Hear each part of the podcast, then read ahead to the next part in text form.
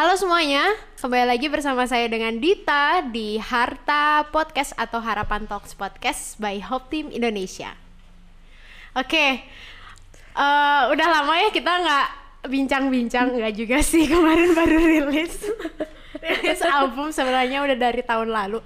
Terus by the way, teman-teman kalau misalnya kedengeran agak noisy atau agak berisik, ini karena hujan, langit sedang menangis nggak tuh? Syahdu sekali. Jadi hari ini kita bakal ngomongin soal dunia tekstil. Nggak tekstil juga, konveksi atau baju, fashion lah. Kita kita sekarang eh, apa ya? Lagi ngomongin soal fast fashion, ya. Apalagi tahun kemarin ya.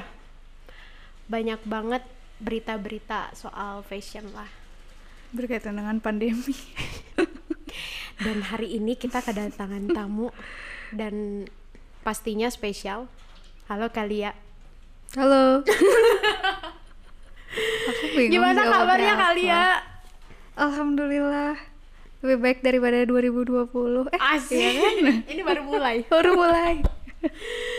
Jadi ini eh, kita mau cerita-cerita ya.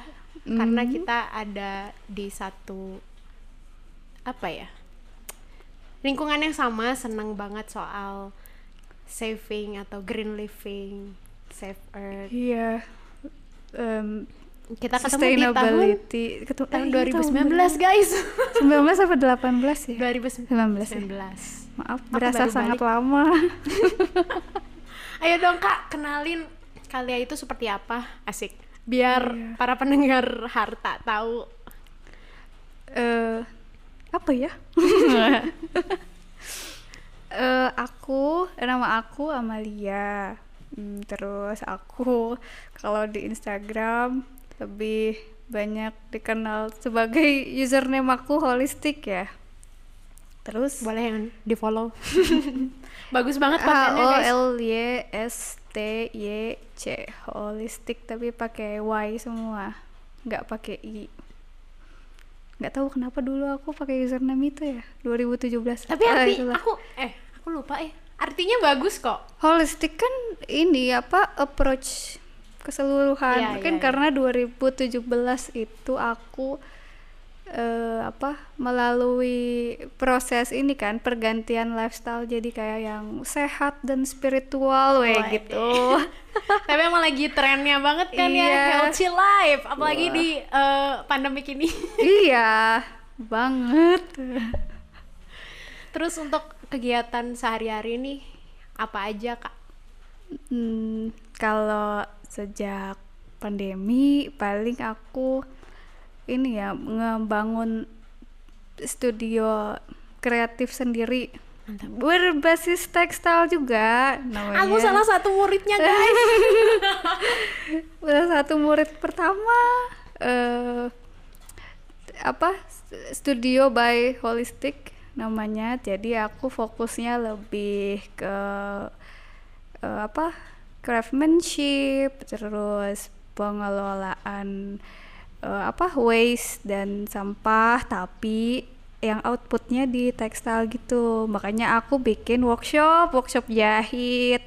Terus nanti niatnya mau eksplorasi. Dan udah mulai sih eksplorasi yang warna ampas kopi itu kan.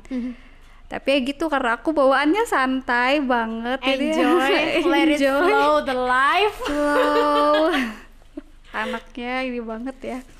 Jadi ya jadi yang paling jalan di studio itu kayaknya workshopnya yang selalu jalan terus ya. Jadi aku kasih workshop eh, private. Kayak kelas private menjahit. Jadi biar bisa menjahit dengan baik dan rapi. Nih Dita nih jadi ini ya kemarin. Bikin Kupaksa menjahit rapi, bikin pouch kan. Nanti naik kelas. Ka- Pertama kan jahit pouch, nanti naik naik jahit masker, nanti jadi Ini tuh jahit udah merasa baju. sombong tau Iya. waktu aku apa jahit pos wah aku Iya. bisa bikin pos tapi padahal btw kalau misalnya waktu SD tuh kita kan belajar keterampilan juga Iya, kan tapi keterampilan. belajar menjahit pakai tangan Uh-uh. ya.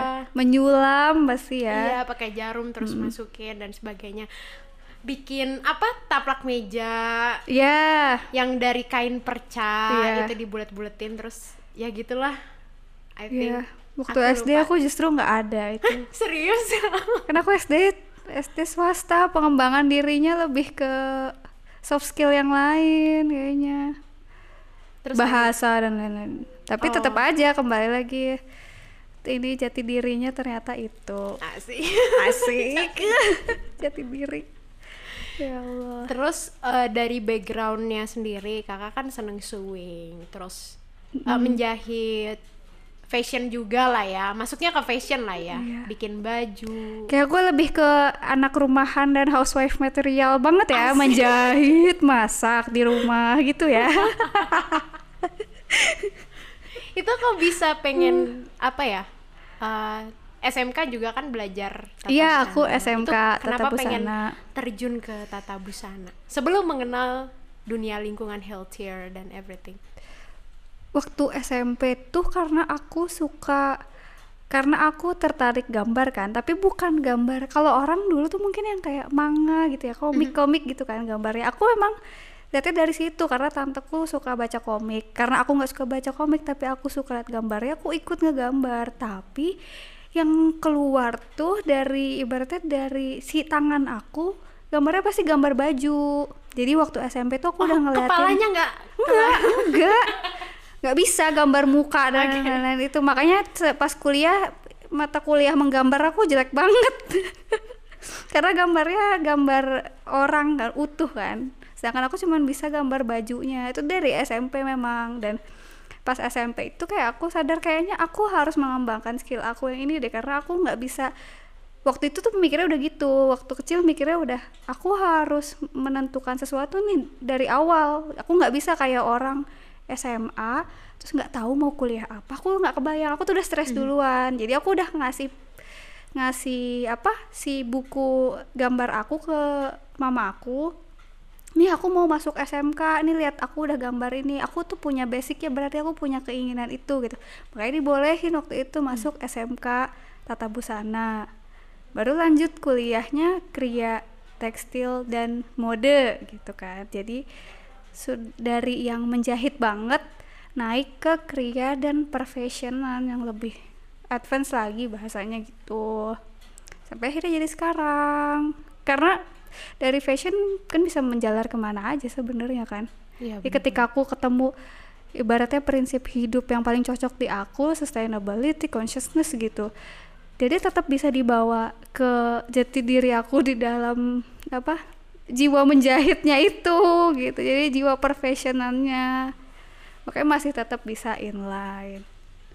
Terus kalau misalnya soal masak-masak itu ya itu karena perjalanan spiritual kayaknya de- dulu aku sakit-sakitan mah terus jadi kayak aku sadar aku harusnya nih sehat gitu kan harus makan lebih baik buat diri sendiri.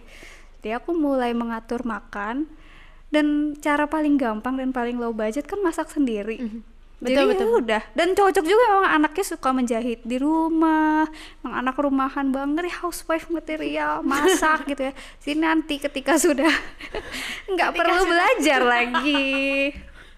Sudah ba- pasti auto bakal disukai calon ibu mertua ini. Calon butuh calon. Iya gimana ya?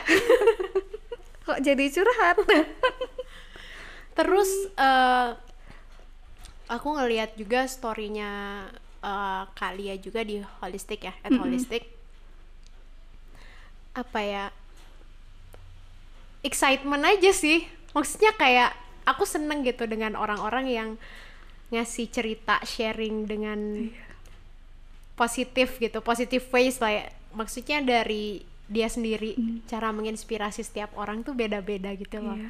apalagi kakak eh, aku tuh termasuk orang yang pengen less waste itu dari tahun 2017 jadi 2017 tuh aku eh, baca e-magazine gitu di aku sempat kerja di salah satu perusahaan. Mm-mm. di sana eh, ngejelasin tentang eco living. Contohnya kayak zero waste itu. Karena extremely zero waste itu sangat susah banget ya dilakukan. 2017 emang yang naik banget sih. 2016 atau 17 itu di aku taunya namanya si Trashes Lauren for Singer iya. aku taunya Hah, Trashes iya, iya, for iya, Toasters. itu naik Emang banget 2017 tuh juga kayaknya aku ngeh dari ngeh dari makan sehat ke less waste tuh kayaknya gara-gara lihat YouTube itu yang bahas tentang dia jadi terbuka. Iya bener Padahal zero waste itu udah udah lama banget gitu ya. Iya. Maksudnya udah tren lama banget. Dan itu aku tahu dari penelitian Jepang. Kalau Yang- dulu apa nama lifestyle-nya ya? Bukan Iko Ikoan dulu apa ya? Green lifestyle bukan juga ya? Bukan sih. Ada soalnya pas aku SMP tuh aku udah kan aku suka baca majalah, suka beli majalah tiap bulan. Mungkin lebih banyak save earth ini ya. iya kayaknya save earth gitu gitu apa global warming dan lain-lain Iya, iya, ada iya, nama ha. lifestyle itu apa gitu dan itu suka ditulis di majalah yang suka aku beli jadi pas SMP tuh aku pernah yang bener-bener fanatik banget ke mana-mana nggak mau pakai plastik itu pas SMP loh yang bener-bener bawa tas tote bag gitu Green living enggak enggak bukan. Beda sih. Save earth meren ya. Soalnya kayak di eh, supermarket-supermarket gitu zaman-zaman Iya, Save SM SD atau SMP ya? Kakak SMP ya berarti aku TK. enggak dong aku setua itu ya Canda sayang. Iya sih, dari situ akhirnya oh, sempet juga gara-gara yang gading gajah pemburuan gading Enggak, gajah kayak dulu gitu. itu yang banyak dibahas global warming sekarang kan bahasanya bukan global warming lagi apa climate ya? change. climate change Yes, alright, climate change is Iya. real. dulu kan global warming Iya benar-benar efek rumah kaca. iya efek rumah kaca ah, nama Iya kan bener ya? Cemiu. Correct me if I wrong. Gue paham bro nggak jadi pengen nyanyi gitu Iya. bawaannya efek rumah kaca Iya itu. SD sih. Oh iya, Gunung aku Everest ter. Iya Iya, bener itu bener bener bener ya isunya itu dunia dan sebagainya ngebahas Iya. soal sampah juga jangan gila itu sampah udah sembarangan. berapa tahun yang lalu Aduh, udah lama eh. tujuh tiga tiga ketahuan umurnya. Tujuh tiga tiga. Tujuh udah. Tiga belas tahun yang lalu itu udah ngomongin global warming. Tapi Gila. tetep kayak gini ya. Iya.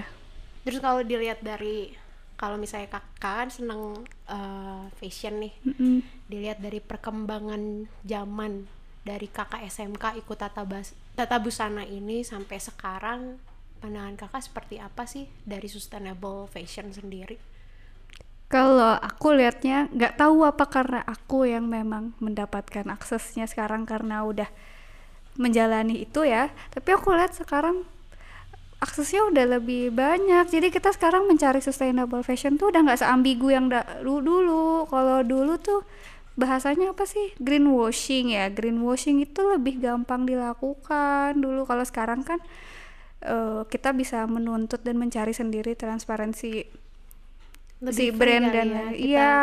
Jadi kitanya bisa lebih kritis. Sekarang tuh kita nggak butuh me, apa eh enggak lagi menelan mentah-mentah. Kalau dulu kan yang kita baca dari apa koran TV majalah yang udah nggak bisa apa kita nggak bisa mencari sumber lain yang beda apa beda perspektif gitu. Mhm. kalau sekarang kan kita bisa cari dari mana-mana dari internet gitu kan. Sangat luas banget ya. Luas banget. Jadi sekarang tuh udah lebih enak menurut aku mau nyari sumber. Kita mau nyari ya sumber tentang sustainable fashion dari sisi mana gitu. Kita dapat nanti kita bisa bandingin lagi ke yang lain. Kalau dulu kan kita pasti taunya cuman satu satu satu. Sustainable fashion adalah ini. Sustainable fashion menjadi tren saat ini misalnya gitu kan kalau sekarang kan kita bisa lebih kritis gitu. Dan mencari brand atau kita misalnya mau menjadi konsumen si sustainable fashion itu juga sekarang lebih gampang daripada dulu gitu. Mungkin kalau dulu orang mikirnya sustainable fashion itu mahal gitu. Kalau sekarang kan kita bisa lebih terbuka karena kita lebih kritis. Oh sustainable fashion itu bisa jadi sebenarnya baju yang udah ada aja. Iya, nggak nggak beli lagi itu sustainable gitu. Iya benar ya kan? Terus biar para pendengar harta tahu nih kak mungkin bisa bantu jelasin dari pen- eh, pandangannya kakak soal sustainable fashion terus fast fashion sama slow fashion itu kayak gimana Hmm. mulai dari mulai dari mana dulu ya paling generalnya kali ya Mhm. perkembangan fashion kan mungkin yang kita taunya karena aku mikir audiensnya sama lah kita tuh umur-umur umur-umur kita ya gitu kan bukan orang-orang nggak tahu tapi bapak ibu kalau ada gitu ya kalau Ada sih zaman kayaknya. dulu Ibu bapak. ibu bapak kalau mungkin ibu aku bapak aku kalau zaman dulu mungkin fashion itu dianggap kayak cuman baju yang kita pakai sehari-hari kan kalau sekarang kan sudah lebih luas dan sudah menjadi komersil banget di industrial di indru, di industrialisasikan banget gitu kan jadi sebuah hal yang besar gitu makanya ada banyak cabangnya jadinya ada yang fast fashion, slow fashion, bahkan banyak banget term-term lain gitu, istilah-istilah lain di dalam industri fashion gitu. Tapi yang paling umum sekarang dan paling banyak disorot emang fast fashion kan. Iya. Jadi Dua eh, tahun ke belakang ini sih ya. Ya, fast itu kan cepet ya. Berarti emang dia tuh kalau kita ambil logikanya aja nih, nggak usah cari istilah-istilah yang aneh. Cepat, fashion, fashion gitu ya. Fashion yang anggaplah kita lagi ngomongin fashionnya baju gitu ya. Baju cepat, berarti bajunya cepat apa? Cepat ganti, cepat rusak, cepat apa? Cepat Cepat tadi beli. cepat ganti trennya, cepat ganti cepat ganti trennya, cepat rusak, cepat bosan gitu. Jadi benar-benar dibikin pergerakannya dan perputarannya tuh cepet. Bikinnya juga cepet fast fashion berarti proses di dalamnya itu lebih cepat daripada oh, si slow fashion kebalikannya. Kalau slow fashion tuh mungkin kalau aku ya nangkepnya dia lambat kan jadi kita dia mulai dari pembuatan sampai ketika kita mengonsumsi dan kita memakainya itu tuh lebih terasa lebih lebih ada feelingnya gitu ya lebih sadar eh, jadinya lebih lambat jadi kita bisa pakai lebih lama prosesnya juga lebih meaningful gitu kalau slow fashion tuh kayak Hampir lebih sama ya kayak gitu. sustainable lah ya, berkelanjutan dipakainya. Iya, mungkin kalau beda ininya apa sih? Kalau slow kan dari slow dan fast tuh dari kecepatan Hmm. waktu mungkin ya anggapannya kan. Kalau slow berarti lama, kalau fast berarti cepat, entah pergerakannya, entah pemakaiannya gitu kan. Perputarannya. Tapi kalau sustainable fashion mungkin approach-nya dibikin ya gimana caranya eh, apa untuk bisa tetap berkelanjutan gitu loh apa ya bahasa enaknya berkelanjutan tuh? Terus menerus. terus menerus gitu loh nggak berhenti. Sus- tapi ini sustainable dalam sisi lingkungan kan gitu. Jadi gimana caranya biar kita dengan fashion ini tetap eh, bukan jadi hal yang berbeda dengan sustainability dengan lingkungan gitu loh dan dengan bumi lah ibaratnya jadi kalau dulu dibilangnya fashion adalah fashion wah seni berekspresi kan fashion gitu kan. Ekspresi yang kita tampilkan banget di tubuh kita gitu loh statement gitu. Tapi kalau dan dianggap berbeda sama urusan soal lingkungan. Wah menyelamatkan bumi mah beda dengan mengekspresikan diri gitu kan kalau dulu gitu ya.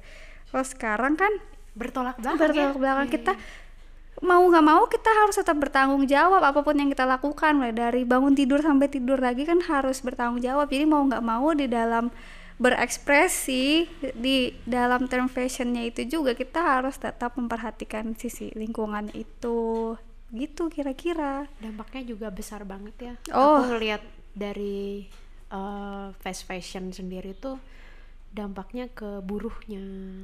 ya itu baru ngomongin soal apa estikalnya ibaratnya sosial gitu kan ekonomi lingkungan.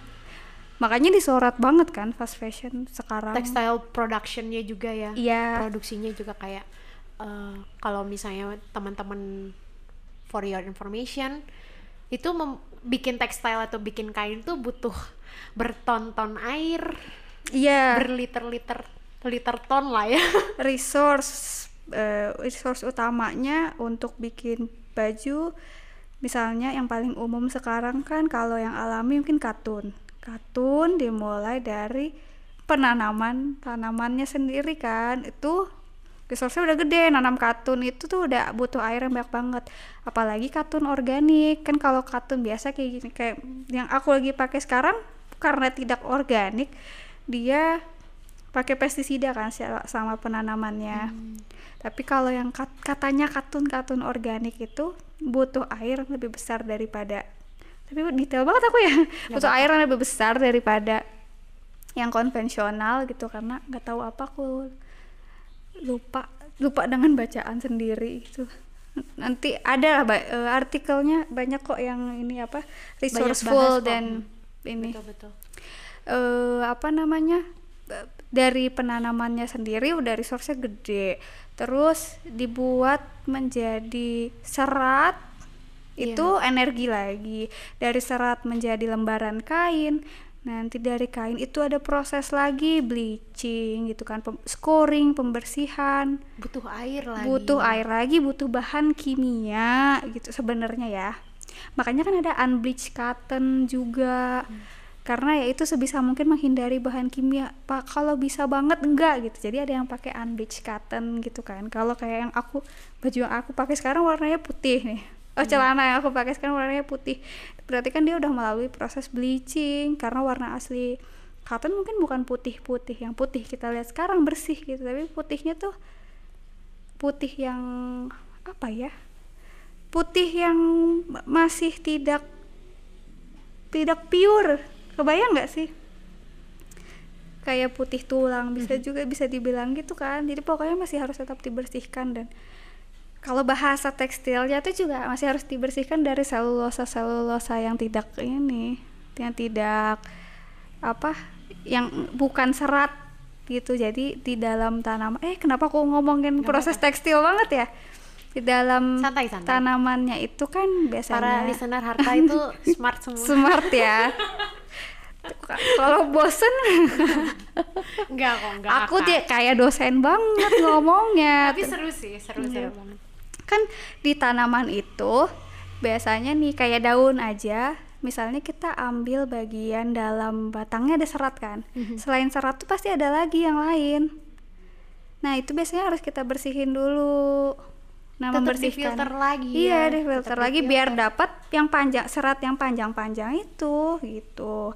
Terus itu kan butuh bahan kimia butuh air. Iya, kalau aku belajar versi simpelnya aja tuh butuh bahan kimia untuk scoring perlu sabun sabun yang dengan surfaktan surfaktan dan busa-busa hmm. itu kan. Terus um, apalagi uh, setelah itu masih ada proses pewarnaan lagi setelah scoring bleaching dan lain-lain pewarnaannya ya butuh air dan pewarna biasanya gitu kan -hmm. ngomongin pewarnaan limbah bahan kimia lagi chemicalsnya gitu banyak banget ya. gitu ya makanya ada juga yang pakai pewarna alami kan dan itu yang jadi fokus aku sekarang ini karena yang yeah. kayaknya bisa aku lakukan pewarna alami gitu yang gampang dari dan kopi. background aku ya dari kopi apalagi kan? dari buah-buahan kalau yang sekarang sering aku post sih dari kop pampas kopi ya tapi banyak yang lain kayak biji alpukat yang pernah aku lakukan dulu semasa kuliah sampai beres kuliah ya biji alpukat, kulit kayu, e, secang tahu secang yang buat minum yang ngewedang. Mm-hmm. Itu bisa juga kan jadi warna merah, pink. Rosella merah, teh, iya merah. Ya. Kayak gitu. Kan namanya juga pewarna alami, bahannya juga alami gitu. Nah, itu fokusku sekarang gitu kan. Setelah pewarnaan, finishing finishing pakai bahan kimia lagi gitu. Nah, kebayang prosesnya tuh udah sepanjang itu. Kakak pernah ya ke tempat uh, apa kayak perusahaan produksi tekstilnya sendiri? Kalau itu sih enggak pernah, tapi aku main ke lab pernah. Hmm. Main ke lab pernah dan tahu oh prosesnya tuh ini ini ini itu tuh pernah. Tapi kalau masuk ke garment yang bikin kainnya langsung enggak. Cuma lihat di YouTube. yeah. kalau bikin kalau harus bikin paper dulu waktu kuliah karena kan ini ku bukan kayak yang teknik tekstil gitu kan hmm. kuliahku jadi setidaknya tahu secara briefly oh prosesnya tuh ini ini ini ini gitu Ya sekarang resource juga banyak banget ya. Iya, Cuma memang kalau tahu. misalnya untuk eh, mungkin yang teknik eh siapa itu tahu masih- pendengar harta ada yang lagi berpikir mau masuk kuliah fashion gitu kan atau mau masuk SMK tata busana jadi terbuka Iya, pikirannya semoga sepupu aku juga masuk tata busana juga dia. oh ya Terus Ah, sempat bikin apa dari perca juga. Oh iya Itu Nah, keren kan sih, salah satu aku kayak- pemanfaatan juga Iya, kan betul betul. Apalagi di rumah aku juga banyak kain, Bun. oh iya bun Kebetulan saya eh, Lupa. mam- mami aku kan punya konveksi kan. oh iya Cuma nggak bisa jahit. iya pokoknya harus belajar sama orang lain ngerti Akhirnya aku belajar eh, di Studio by Holistic yang punya Kak Amalia. Senang banget sih belajar, maksudnya fun gitu ya. Iya Memanfaatkan kain yang ada. Iya, aku bawanya juga kain perca semua ya untuk jadi contoh. Iya, Kasih. terus eh, seru sih ngejahit tuh. Seru kalau ya kalau bisa belajar ininya kan kita harus menikmati si apa pace-nya apa sih ritme ritme menjahitnya itu kan biar bisa rapi kan aku ngajarin ritmenya Iya. banget kan kayak nginjek jadi mesin jahit tuh ada pedalnya kayak kita gasnya ya di pedalnya Hmm. kayak kita belajar mobil aja kalau kekencengan oh bisa Ngegasnya. nabrak nah gitu Eh gimana gimana? Iya, iya. Jadi belajar ini juga mindfulness juga sebenarnya menjahit itu Wah, berarti bener ya aku berkaitan semuanya holistik keseluruhan Asik, keseluruhan. Iya. In the circle Iya, atau infinity circle. kali ya, hampir sama Iya. kayak infinity lah, infinite. Terus eh, kan sempet nih, pasti ada sempet eh, di mana masa-masanya kakak tuh kayak karena fashion ya. Mm-mm. Aku tuh kadang suka gatel gitu, pengen aduh ini bagus banget nih baju. waduh beli, iya kayak mikir dan sebagainya ada nggak di fase itu sebelum Oh. mengenal waktu kecil memang wah ini memang bawa, ini kayaknya memang manifestasi dari keluarga kali ya. Waktu kecil setiap mau lebaran eh, aku tuh disuruh milih lihat nih misalnya di majalah atau apa gitu kan. Suka baju yang mana? Nanti gambarnya itu dibawa ke penjahit jadi memang udah di kayak udah ada manifestasi dan dilatih untuk enggak. Kalau mau sesuatu tuh ada buat- cara lain ada selain beli. gitu maksudnya. Ada cara lain selain beli. Kadang kan kita kalau ke mall ih bajunya bagus banget kalau nggak beli sekarang. Pagi kalau ada sale ya. Ya. nah, ada diskon. Kalau nggak beli sekarang kapan lagi? Ada pasti perasaan kayak gitu. Cuman dari kecil aku udah dikasih pilihan bahwa ada cara lain nggak cuman beli. Kita bisa bikin baju dan keluarga aku demen banget. Selain selain bikin baju ya ini belanja I think the thrift thrifting. from the family oh iya. ya. memang ya makanya manifestasi mindfulness banget. Aduh aku manifestasi banget. Terus eh, apa? Tadi eh, keluargaku bukan cuman bikin baju doang di penjahit tapi juga eh, suka thrifting memang. Keluarganya teh. Jadi memang udah bawaan aja. Mungkin yang ketertarikan sama fashion dan sustainability itu udah kebawa dari kecil sebenarnya gitu. Tinggal dilatih aja. Tinggal diasah. Makanya sekarang udah terasah jadi aku udah oh fokusku di sini gitu loh. Makanya iya sih aku kerasa sih. Maksudnya Iya. kayak contoh lah ya. Eh, kayak bawa minum botol sendiri gitu Iya. aku ternyata udah udah menerapkan itu tuh dari SD gitu. Dan mami tuh selalu bilang gini kamu nggak usah jajan yang aneh-aneh mending bawa bekal aja gitu.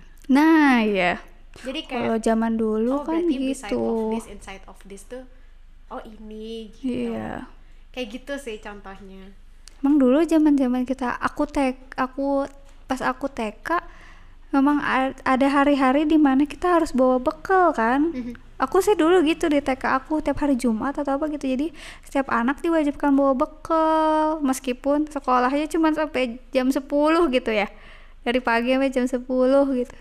Tapi nanti di akhir pelajaran, di akhir di akhir sekolah itu kita harus makan bareng dengan bekal masing-masing. Jadi emang udah ke bawah gitu kali ya dan kalau sekolah sekarang mungkin nggak gitu ya nggak sih apa aku nggak tahu ya mungkin karena udah beda beneran ya? Iya kan sekarang lebih instan.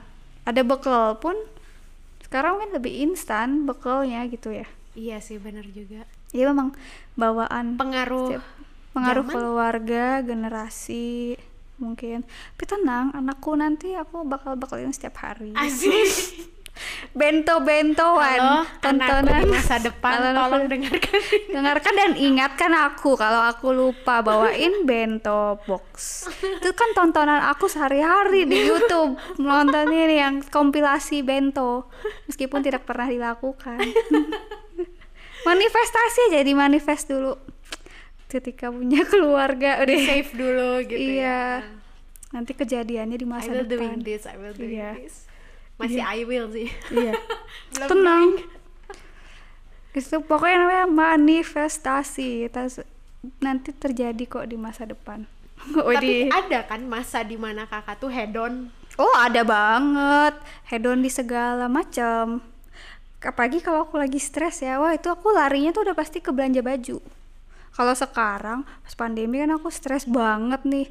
Larinya ini thrifting online beli banyak banget karena aku Free nggak love tahu iya free love free love free dua itu tahun ini tuh banyak banget yang ini iya yang berubah yang berubah ke online banyak tuh di sekarang tahun ya iya dua- 2020 itu udah 2020. growth-nya banyak banget Iya, kemarin kan aku sempet posting ya, ini yang permasalahan banyak orang yang ngata-ngatain thrift shop online. Sebenarnya bukan thrift shop sih bahasa ininya.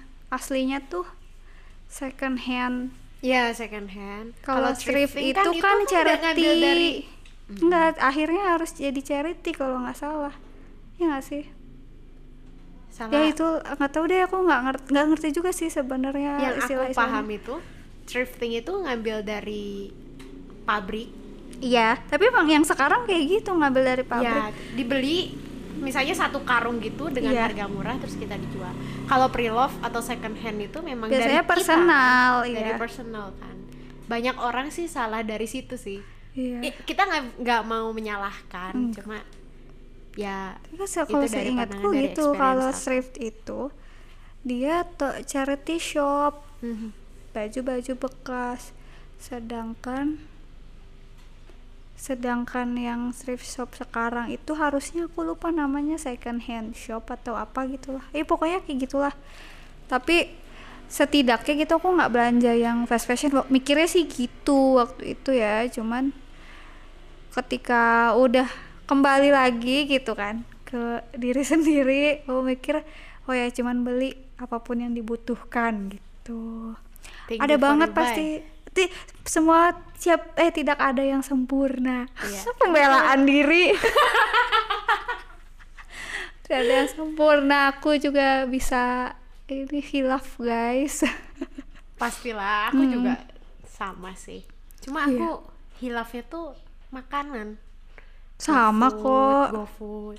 karena kalau baju tuh jujur ya kalau aku baju tuh nggak terlalu seneng shopping malah aku lebih suka Hmm. kayak misalnya mami nih mami punya baju lama gitu. Contohnya kayak ini punya tante nih. Dit nih kamu pakai aja. Oh, oh, bagus. bagus, itu. Aku aja gitu. Bagus terus celananya pas aku lagi eh, misalnya mami lagi lagi beberes baju atau ih baju lam baju lama la- eh baju dulu kamu pakai aja gitu. Terus ini pas bagus juga ya udah aku Iya. pakai gitu. Jadi aku jarang banget belanja kak Aku se- seharusnya mungkin aku tuh kayak gitu juga seandainya ukuran badanku dan ukuran badan keluargaku tuh sama. Aku doang kayaknya paling kecil. Jadi aku nggak bisa diturun-turunin gitu bajunya nggak bisa. Bakal jadi kedodoran banget. Nah, sedangkan baju du- baju zaman dulu kan dress-dress ya tipe-tipe kayak yang dipakai Dita sekarang nih kalau mau divisualisasikan di dalam otak ya karena ini audio gitu. nanti lihat di album aja. Oh iya. Album bahannya eh apa sih tweed gitu ya. Ini kayak bahan-bahan tebel terus polanya tuh ya kelihatan banget pola-pola jadul gitu. Kalau baju dulu tuh kayak apa namanya? Retro happen gitu. lagi juga. ya? iya happening lagi. Tapi beda. Eh, bukan jadi tren lagi sekarang. Jadi kayak micro trend gitu. Jadi kecil-kecil. Jadi bukan yang kayak mainstream lagi. Tapi kembali lagi banyak yang pakai. Kalau aku dulu yang dapat turunan-turunan kayak gitu paling bando dari mamaku. Bando dari zaman Aksesoris 70-an Mm-mm. Yang akhirnya dihilangkan sama aku dasar. Bando-bando ma- zaman dulu kan bando-bando tuh mahal nggak kayak sekarang seribu. Atau di 2000. Shopee seratus rupiah ya gratis ongkir. Aku nggak habis pikir. Jangan Itu sampai buat bikin- kepo ya. malah bikin ini ya. Gatel Iya, tangan apalagi iya, cewek. iya, Ya asli. aku kerasa banget sih. Aku lihat banyak tuh di story aku orang-orang yang posting bun mau ngeracun ya? Terus dia postingnya itu yang 100 rupiah. Aksesoris aksesoris 100 rupiah gratis ongkir itu terus di check out bener-bener yang 100 rupiah bayarnya. Nggak habis pikir lagi aku serius. Terus kalau dilihat dari perkembangan tren fashion ini nih dari mulai sekarang kan zamannya fast fashion ya? Iya. Fast fashion Uh, terus juga udah ada yang jual second hand thrifting Mm-mm. terus pre-love kelebihan kekurangannya dari pandangan kakak mungkin bisa explain. Kelebihan kekurangan apa aja nih? Mungkin dari ini dulu kali ya dari thrifting sama pre-love nah t- sebenarnya bagus ya. ada bagus dan enggaknya juga karena eh, second hand pre- pre-love itu ada ketika konsumen atau kita udah kebanyakan ba kebanyakan baju kan udah merasa eh, apa Aduh bahasa Marie Kondo nya udah nggak spark joy lagi gitu ya ketika kayak merasa kalau buat kalau mau nyari yang spark joy tinggal beli lagi deh yang ada di declarer aja gitu kan? Nah kalau sekarang tuh kan kayak gitu. Dan jadinya efeknya eh bukan cuman dari konsumen aja dari pabrik juga gitu kan yang barang-barang reject barang-barang nggak laku. Kebanyakan kan dijual lagi di kayak apa grosiran apa sih di pasar-pasar pasar-pasar apa Pokoknya barang bekas kayak dengan- gitu kan. Jadi itu sebenarnya adalah efek dari fast fashion sendiri. Tidak baiknya adalah itu gitu. Makanya menumpuk. Makanya pasar-pasar kayak gitu tuh terlihat lebih kumuh gitu kan daripada pasar umumnya. Pasar modern gitu. Atau tempat baju apa toko baju umumnya gitu. Karena dia memang menumpuk sisa kita sisa konsumsi kita kalau dari sisi fashion ya. Itu banyak sebanyak itu bahkan itu yang masih layak pakai kan? Belum lagi ngomongin yang nggak layak pakai gitu. Tapi bagusnya adalah itu tuh jadi kayak cara lain untuk mengatasi masalah yang ada itu. Jadi masalah yang ada oke kita akui misalnya bahwa memang konsumsi kita berlebih gitu kan. Tapi bagaimana caranya buat masih bertanggung jawab sudah dijual lagi aja gitu. Jadi masih ada value-nya. Nah, jadi itu adalah solusi sebenarnya ya, tapi solusi akan menjadi stuck lagi ketika semuanya tuh bes, apa malah jadi stucknya nggak kontrol ya. Iya nggak kekontrol. Maksudnya too much ketika sudah terlalu overload bahasanya ya. Kalau udah sampai overload banyak banget itu kan juga bakal menciptakan masalah baru lagi pasti. Atau kayak ya kok apa namanya ketika di overload numpuknya terlalu banyak baj- baju yang sebenarnya masih layak pakai jadi enggak. pabrik-pabrik juga mikirnya ah nanti juga jadi thrifting ah nanti Iya, itu. jadinya kayak gitu Hmm, ya Bener banget. terus kayak kemarin juga kayak tuntutan-tuntutan sama uh, pabrik-pabrik fashion contohnya kayak utut Mm-mm, zatut Utut, seperti itu Zatut. mereka aku sempat ngelihat kayak di promotion IG story gitu uh, advertisingnya lah ya. Itu uh, ini bahannya recycle dari plastik. Ini ini. Seperti embel-embel seperti itulah ya. Ya gitu sih kayak greenwashingnya FYI, recycled recycled plastik yang jadi baju juga. Ya itu dia tuh kayak solusi yang kalau kalau nanti kalau di awal menjadi solusi yang bagus, tapi nanti ketika terlalu banyak dia bakal jadi masalah baru. Karena kan recycled plastik berarti dia dari botol eh, em, plastik gitu kan dari bahan plastik yang sudah pernah dipakai. Awalnya oke ini kita punya masalah ada sampah plastik nih. Oke kita daur ulang bisa dijadiin benang lagi bisa dijadiin baju lagi Tapi ketika itu udah jadi pembenaran buat orang untuk mengonsumsi kemasan terus-terusan, untuk menciptakan sampah terus-terusan, itu tuh bakal jadi solusi yang Iya betul. gak ada artinya Ya, lagi malah nggak karena malah gitu numpuk. ya. Kalau misalnya dilihat dari ya yang kayak prinsip ekonomi lah, yang dari single single ekonomi sampai ke circular ekonomi. Oh iya. Nah, itu harusnya kan kita nerapinnya mungkin lebih ke circular ekonomi ya. Untuk di zaman sekarang mungkin ya. Harusnya gitu kan. Untuk di zaman sekarang mungkin ya. Itu sih. Harusnya. Thank you banget eh Kalia udah sharing. Mungkin nanti next kita bakal cerita-cerita lagi di part 2 asik. Wow. Eh, buat teman-teman nih kalau misalnya ada yang mau tanya soal sustainable fashion atau pengen tanya-tanya langsung dan lihat konten story dan feedsnya eh, Kak Amalia di @holistic i-nya diganti ya semua bener ya? Hmm, betul sekali. itu keren-keren banget semua kontennya soal healthy spiritual uh, fashion juga asik banget lah pokoknya. Kalian bisa follow uh, IG-nya Kak, Ama- Kak Amalia. Dan kehidupan sehari-hari aku yang kayak roller coaster itu juga sering aku ceritain. tapi happy tau maksudnya kayak uh, tiap orang tuh ya aku aku jelasin lagi nih jadinya. Tiap orang punya inspirasi yang beda-beda dan kita tuh nggak bisa nyamain. Pembawaan masing-masing maksudnya gitu. Dita pengen jadi Kak Amel Kak Amalia ya nggak Iya, bisa gitu. iya. tetap porsinya Dita ya Dita Kak Amalia ya Kak Amalia gitu. Gitu sih teman-teman asik. Eh, untuk terakhir nih Kak. Iya, iya. Harapan untuk diri sendiri dong. Terus eh, harapan untuk para pendengar harta. Harapan buat aku Take your tentunya uh i- apa aku pengen semakin ber semakin bisa berkontribusi lah Amin. sharing dan menyebarkan lagi banyak hal yang berkaitan dengan consciousness sustainability. Kalau jalannya memang melalui fashion ya semoga dilancarkan sampai seterus seterus de- sampai seterusnya gitu kan sampai nanti nanti sampai berkembang lagi.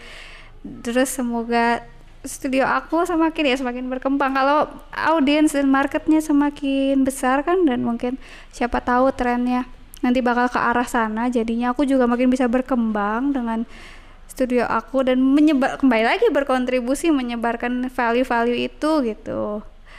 Harapannya sih itu kalau sekarang. Amin. amin. Terus kalau untuk semuanya nih yang mendengarkan semoga ya tadi tercerahkan sedikit bahwa sebenarnya banyak hal sih yang bisa kita lakukan ya. Kalau misalnya kita sekarang bingung nih memikirkan kayak aduh gue kayaknya nggak sustainable banget gitu atau kayak aduh gue masih eh stylenya biasa aja pakai baju kaos dan celana padahal it's not about denim. It's iya not about gitu it's, kan it's not about uh, big deal gitu ya. Iya, karena memikirnya mungkin kalau kalau selama ini mikirnya sustainable fashion adalah pakai baju warna apa putih tulang, warna krem, bahan linen gitu ya. Terus eh, apa namanya? celana longgar gitu kan, bahan alami. Enggak, enggak se enggak sesaklek itu gitu loh. Banyak banyak sisi-sisi lain yang bisa kita explore lagi gitu kan. Dan apalagi kalau tertarik di bidang ini, semoga lebih banyak lagi yang tertarik gitu kan. Kita bisa explore bareng-bareng dan makin banyak lagi yang terbuka tentang apa? bumi asik gitu. bumi yang kita tinggal tinggali. bumi yang sudah dititipkan oleh Tuhan ini. Asik. Waduh. Thank you so much ya Kak Amalia. Iya. Terus thank you banget untuk studio ini namanya Aiden House. Kalian bisa cek di aidenhouse.id. Dan teman-teman yang mau denger eh, podcast yang lainnya ini disupport juga dengan Elo Ego. Halo operator. thank you so much. Saya Dita Sri Hakim bersama Amalia. Salam Hope Team Indonesia, One Share, One Life.